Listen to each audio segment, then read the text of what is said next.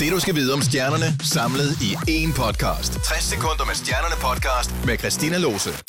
Christoffer, han har været et smut i Kina og har derfor holdt en lille pause fra koncerter på dansk grund. Men til sommer er han tilbage helt og deles live. Prøv lige at lytte med her. Hey, det er Christoffer. Jeg er sindssygt glad for at kunne offentliggøre, at jeg skal spille på Grøn Koncert her i sommer.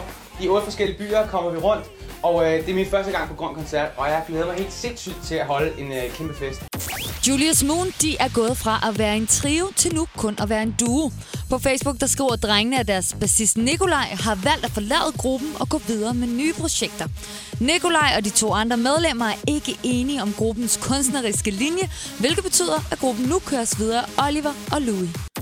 Under den amerikanske Coachella Festival blev danske Mø fanget til en lille snak om hendes track Lean On, som hun har lavet sammen med Major Lazer og DJ Snake.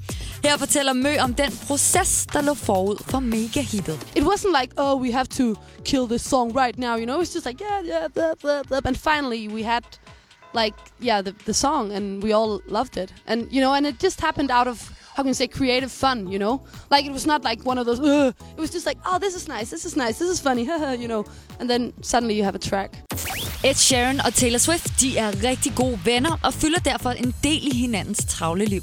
For nylig der kom det frem, at Taylor hun er begyndt at se en del til DJ'en Calvin Harris. Her kan du høre, hvad Eds holdning er til den nye mand i venindens liv.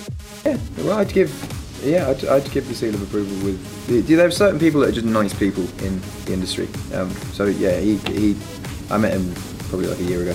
Yeah, good guy, really, really good guy.